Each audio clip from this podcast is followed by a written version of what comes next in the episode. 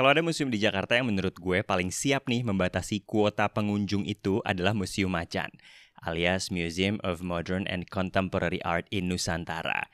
Makanya gue seneng banget pas beberapa waktu lalu mereka ngebuka lagi museumnya untuk kunjungan umum. Kenapa mereka paling siap? Gue ceritain ya di episode ini sekaligus gue ngobrol sama Vira, seorang travel blogger, ilustrator, sketcher, penggambar, founder dari At by Vira Tangka, co-founder dari Indohoy, dan juga podcaster The Pineapple Dance.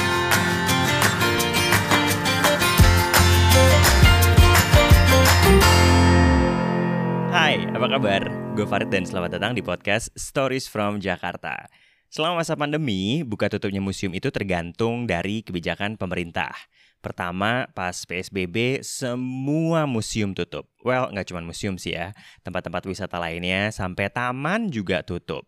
Terus ketika PSBB agak dilonggarkan, beberapa museum yang dikelola sama Pemprov DKI Jakarta mulai buka tuh, tapi membatasi jam kunjungan dan juga jumlah pengunjungnya. It comes with some problems sih. Coba aja bayangin kalau misalnya lo udah datang nih jauh-jauh ke kota gitu ya, ke daerah kota, terus lo mau ke Museum Fathahilah atau Museum Sejarah Jakarta, terus lo ditolak masuk karena udah penuh. Bete dong. Nah, Museum Macan sebenarnya bisa nih mengantisipasi ini karena mereka penjualan tiketnya secara daring alias online. Well, bisa juga sih beli langsung kalau kuotanya masih ada, tapi supaya aman, biasanya orang beli online aja kan. Sebenarnya sebelum Museum Macan ini dibuka lagi, gue sempat diajak webinar sama majalah Destination tentang perubahan berwisata di masa new normal. Waktu itu ada kepala dinas pariwisata juga ya yang dat yang hadir, kepala dinas pariwisata Pemprov DKI Jakarta. Terus gue tanya, Kenapa sih susah banget untuk membuat pembelian tiket atau penjualan tiket gitu ya secara online untuk museum di bawah Pemprov? Karena ini akan ngebantu banget nih buat orang yang mau berwisata ke museum itu. They said that they had been planning it, but until now I haven't seen any improvements yet. So maybe sometimes in the future.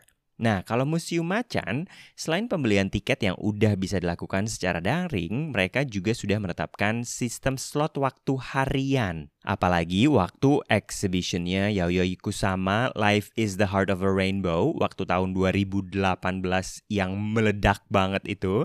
Karena eksibisi itu tuh banyak banget yang mau datang. Nah, supaya nggak penuh, jadi harus diaturkan kedatangan pengunjungnya. Now that the pandemic is here, slot waktu ini bisa berguna banget untuk membatasi berapa pengunjung yang aman yang berada di dalam museum. Nah, jadi kalau lo mau datang ke Museum Macan di masa pandemi, langsung beli tiketnya online aja. Bisa ke situsnya museummacan.org, ORG, atau di Traveloka bisa, di tiket.com bisa, di Gotix juga bisa ternyata. Terus kemudian sesudah lo pilih tanggalnya, lo bisa pilih tiga slot waktu masuk, jam 10 pagi, jam 12 siang, dan jam 12 siang. Jam ini adalah waktu lo untuk masuk ya untuk durasi berada di dalam museum sih bebas. Lo bebas sebebas-bebasnya sampai museum tutup juga boleh. Silahkan. Museumnya sendiri buka dari hari Selasa sampai hari Minggu dan dari jam 10 sampai jam 4 sore. Oh iya, mereka juga buka loh kalau hari libur nasional. Gue soalnya waktu itu ke sana pas hari libur Isra Mi'raj dan ternyata buka. Kalau biasanya mereka menyediakan tempat penitipan barang di masa pandemi ini nggak ada penitipan. Jadi jangan bawa tas yang gede-gede. Bawa tas yang kecil aja supaya bisa dibawa masuk. Kalau udah beli tiket, udah pilih slot waktu, berarti tinggal datang sesuai dengan slot waktu lo.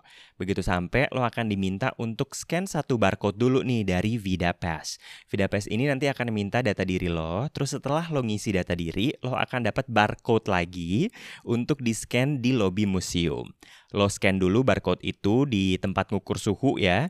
Ini agak sedikit repot sih karena gue waktu ke sana itu beberapa kali gagal scan barcode-nya. But take your time ya. Saran gue adalah santai aja, nggak usah panik, nggak usah bingung terus nih gimana nih kok nggak bisa-bisa gitu ya. Kalau misalnya alatnya gagal baca barcode lo, coba lagi aja. Di situ juga ada staff yang biasanya akan ngebantuin lo. So, take your time, don't panic, relax. Ini semua memang harus dijalanin gitu.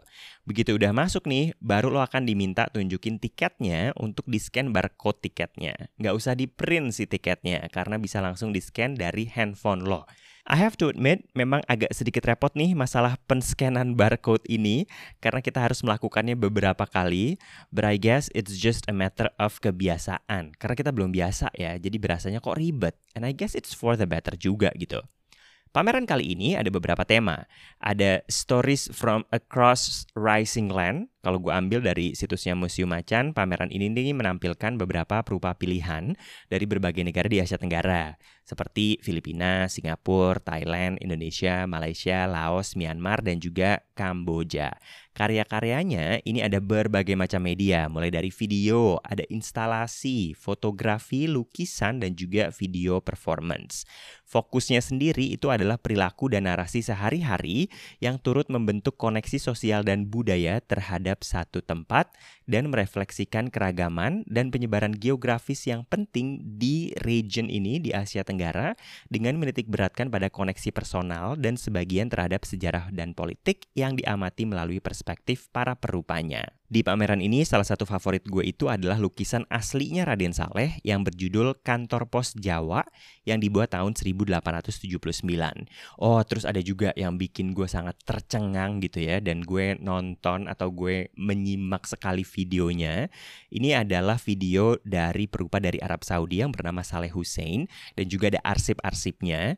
Gue suka ini cause I'm a sucker for history dan video ini tuh bercerita bagaimana imigran dari Arab itu masuk ke Nusantara Nusantara dan bagaimana juga mereka mengubah status sosial mereka di, dan dimanfaatkan oleh VOC ketika itu. Well, sejarah ini tentunya ada hubungannya dengan my ancestors karena bokap gue itu ada keturunan Arab. Jadi gue tuh nonton video ini sekitar 15 sampai 20 menit deh. Nah, lo silahkan wander around, jalan-jalan and find your own favorite ya. Setelah Stories from Across Rising Land, lo juga bisa ngeliat pameran Semesta dan Angan, pilihan karya dari koleksi Museum Macan yang menampilkan karya-karya dari Olafur Eliasson, Keith Haring, Sigmar Polke, Barbara Kruger, Zai Kuning, Tisna Sanjaya, Bandu Darmawan, dan masih banyak lagi. Favorit gue kalau di bagian ini adalah yang ada di lobi museum di depan, yaitu karyanya perupa Denmark Olafur Eliasson. Kenapa? Karena begitu gue ngeliat tuh kayak gue nggak ngerti gitu. Ini sebenarnya apaan sih gitu. Tapi ketika lo melihat lebih dekat, barulah ada aha moment. Oh wow, nah gue nggak mau bocorin di sini jadi lo harus mencari sendiri and be amazed dan jangan lupa untuk foto karena akhirnya endingnya itu akan bagus untuk difoto ya. Oh iya, lo juga bisa lihat juga ruang seni anak Citra Sasmita kisah antah berantah nih. Jadi lo bisa ajak anak-anak lo dan melihat kerajaan hewan di sini. Jangan lupa untuk nge-scan barcode-barcode yang ada di bawah karya-karya dari si Citra Sasmita ini ya. Ada juga pameran Wildlife the Chicken Run-nya Melati Suryodarmo. Nah kalau ini sih gue udah pernah lihat karena waktu itu disatuin barengan sama Manifesto video-videonya Kate Blanchett ya, karyanya Julian Roosevelt. Tapi kalau lo belum ya sekalian lah kalau gitu lo lihat di sini ya. Banyak banget deh pokoknya keseruan di museum macan ini. So I recommend you come and enjoy the museum. Sekarang gue mau ngajak ngobrol teman gue Vira yang juga udah berkunjung ke museum ini ya. Kita telepon yuk.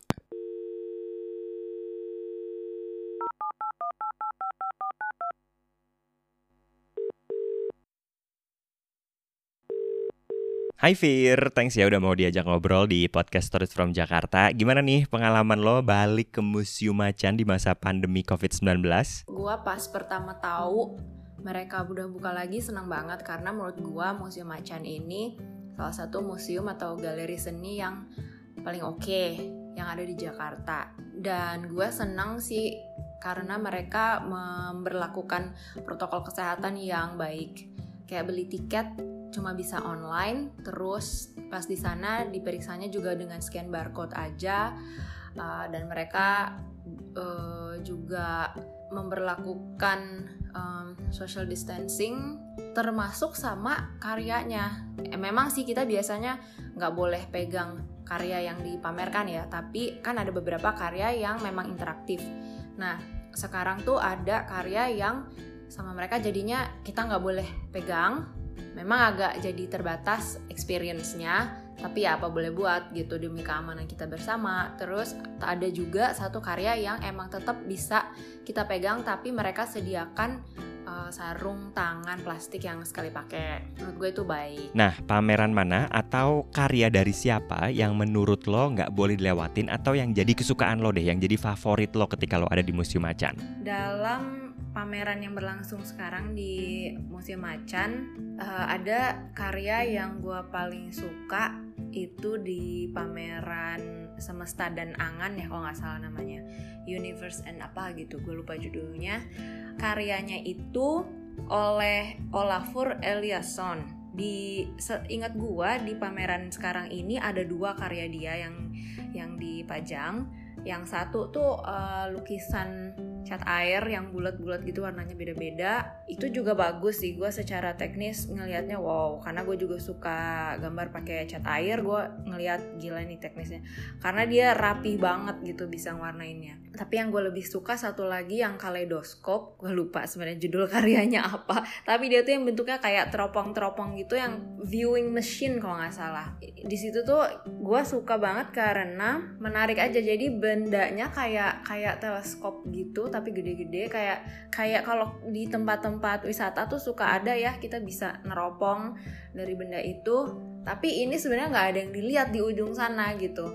Cuman kalau kita di ujung satunya tuh ada orang lain kita bisa lihat dia ada bayangan-bayangannya karena eh, maksudnya refleksi ya. Karena dalamnya itu kayak cermin-cermin gitu dengan bentuk teropongnya ini yang kayak ada yang segitiga, ada yang segi lima gitu. Jadi ada beberapa sisi uh, agak susah ngejelasinnya. Mungkin emang harus dilihat secara visual.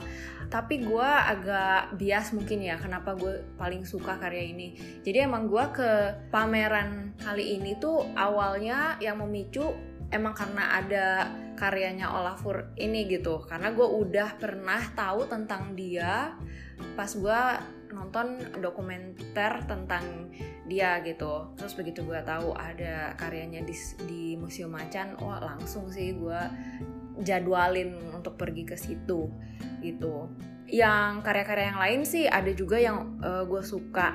Tapi ya tapi yang itu sih yang gue paling suka sekarang ini. Oh ya tambahan lagi kenapa gue suka sama karyanya Olafur Eliasson ini. Karena uh, yang gue tahu dia itu emang sangat suka bereksperimen dengan cahaya ruang dan lain-lain deh segala berbagai macam elemen alam gitu. Dan gue ngeliat di situ dia sangat uh, mengintegrasikan unsur seni, teknologi dan desain. Menurut gue itu keren banget. Terakhir nih Fir, ada nggak sih tips dari lo buat orang yang baru mau datang ke Museum Macan nih? Sebelum pergi ke Museum Macan, gue sangat sarankan orang-orang untuk uh, baca dulu keterangan di website mereka atau di Instagramnya at Museum Macan ya kalau nggak salah namanya.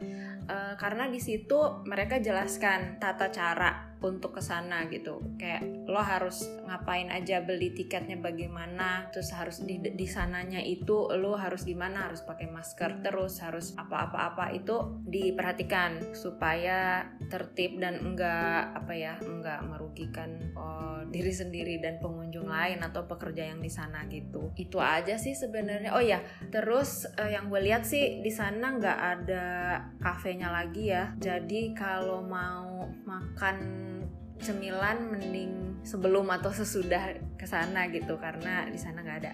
Waktu itu gue juga sengaja datangnya milih slot waktu yang pagi-pagi. Uh, oh ya ini juga bagusnya mereka ngasih pilihan kita mau datangnya jam berapa. Gue ambil slot yang pagi, yang paling pagi mereka baru buka itu jam 10 supaya masih sepi. Waktu itu sih gue dateng hari Minggu kalau nggak salah. Hari Minggu slot satu dan waktu itu pamerannya masih baru buka beberapa hari jadi sepi. Cukup sepi lah. Ada sih pengunjung lain tapi kalau nggak salah nggak nyampe 10 orang sedangkan tempatnya kan luas. Cuman mungkin kalau mau lebih sepi lagi bisa di weekdays. Terus perhatiin juga harga tiket masuknya uh, karena mereka tuh kadang suka ada promo misalnya datangnya jam berapa jam berapa, atau hari apa suka ada promonya berapa persen diskon gitu kan lumayan itu aja sih dan ya pokoknya turutin deh semua aturannya kalau ke sana atau ke museum dan galeri mana pun. Thanks ya Fir. Jangan lupa lo bisa denger juga Vira di podcast The Pineapple Dance di mana dia sama temennya Murni ngobrol segala hal tentang traveling. Seru banget ya obrolan mereka ya. Podcastnya sekali lagi The Pineapple Dance.